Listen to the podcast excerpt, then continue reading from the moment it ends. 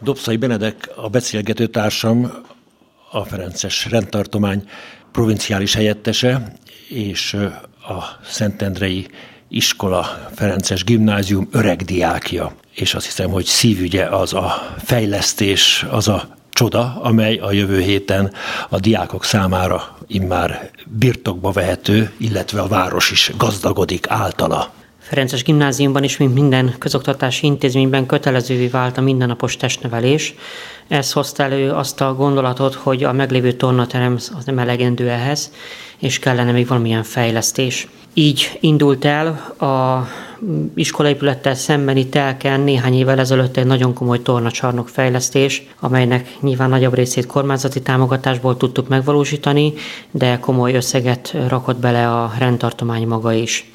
Ez egy nagyméretű tornacsarnok, nem csak egyszerűen egy tornaterem, hanem egy olyan rendezvénycsarnok, amely a küzdőtéren túl lelátóval, öltözőkkel, egyéb kiszolgáló helységekkel, közösségi helységekkel rendelkezik csak hogy a méretét érzékeljük, ebben egy szabványos kézilabda pálya férel, ami talán a egyik legnagyobb ilyen terem sport, igény, helyigényű teremsport, aztán nyilván ezen belül kosárlabda pálya, röplabda pálya, és egyáltalán egy tornaterem, amelyhez egy több száz fős lelátó tartozik, illetve a teremnek a magassága se kicsi, hiszen akár ritmikus gimnasztika bajnokságot is lehet benne rendezni, hiszen ahhoz is kellő belmagassága van eddig hol tornáztak a diákok, hol tornáztak akkor, amikor Dobszai Benedek diák volt, azt hiszem ez egy ütött kapott csendőr laktanyából nőtte ki magát iskolává, tehát az évtizedek során nyilván nagy változások történtek. Valóban. Én pont 95-ben végeztem ebben az iskolában olyan módon, hogy nekünk utolsó esztendőben nem volt torna termünk, hiszen akkor fordult át az a fejlesztés, ami akkor készült, hogy egy korábbi torna, hát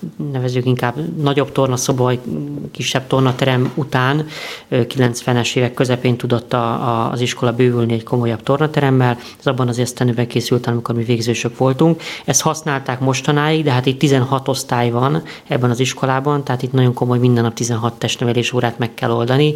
Ez nem volt elegendő az a terem, ami volt.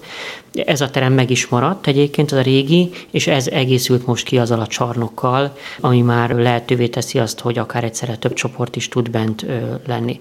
És nagyon fontos, hogy valóban rendezvénycsarnok is, hiszen nem csak az iskolának a saját rendezvényeinek kellett helyet találni egy évnyitó évzárónak, vagy akár egy ferbálnak, hanem a szomszédos református is. Ferbál, bocsánat. Igen, Ferbálnak, igen. Az a Ferences bál? Hát ez a gyakorlatilag a szalagvató bája az iskolának, ami ezen a néven ismeretes több évtizede, de a szomszédos református iskola is tudja használni, más Ferences iskolák is például itt fogják a szalagvató bájukat, például a Szent Angéla tartani, és hát nyilván a hétvégekre biztosan ki fogjuk adni, hiszen a most talán a legnagyobb rendezvénycsarnok a városnak. Hétköznap délutánokon pedig már eleve bejelentkeztek helyi szövetségek, sportegyesületek, hogy szeretnék használni. Igen, mert egy ilyen intézménynek a föntartása hosszú távon egy nagyon nagy feladat. Valóban cél is, hogy, hogy úgy működjön, hogy az iskolát segítse, és a fennmaradó időben pedig egyrészt a környéket gazdagító programok valósuljanak meg, másik oldalról pedig a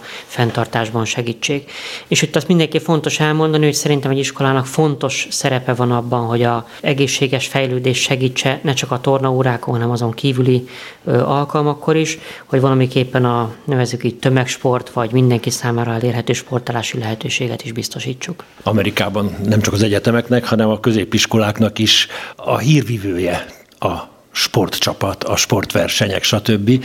És azt hiszem, hogy ezek az új beruházások, amelyek más középiskolákban is most megvalósulnak, segítik azt, hogy nem csak hogy egészségesebbek legyenek, hanem egy egészséges verseny legyen a középiskolák között. Mindenképpen azzal együtt, hogy jelenleg például nincsen még teljesen önálló mondjuk sportszövetség az iskolának, bár ez a gondolat fölmerült, de a környékbeli, különösen kosárlabda szövets, egyesületekkel van olyan kapcsolat, kapcsolat, ami, ami, ami ezt segítheti. Az Esztergom gimnáziumnál is készülőbe van, de azt hiszem még csak rajzlapon van egy hasonló, talán kisebb, de nem vagyok benne biztos beruházás. Valóban Esztergom is kapott, az Esztergom iskola is kapott támogatást arra, hogy egy új torna termet, ott inkább termet építsen, hasonló okokból, ami egyben nem csak egy tornaterem lenne, hanem részben parkolási gondjait oldalán meg az iskolának, részben pedig további termeket, csoporttermeket, közösségi termek létrehozását tenni lehetővé. Esztergomban tudjuk, hogy bárki bármibe belekezd a mi építkezés, ott biztos lehet abban, hogy beleszalad a középkorba, vagy hát a történelembe. Ez velünk is így történt. Itt egy nagyon-nagyon hosszú tervezési folyamat volt, amit nagyon erősen meghatározott az itteni régészet, hiszen a terület alatt olyan 13. századi építészeti maradványokat látunk, amelyek valamilyen módon, hát legalábbis konzerválásra érdemesek többek között egy 13. századi útszakasz. Ez egyben azt jelentette, hogy a tervezés folyamatában egy nagyon nagy változtatást kellett hoznunk.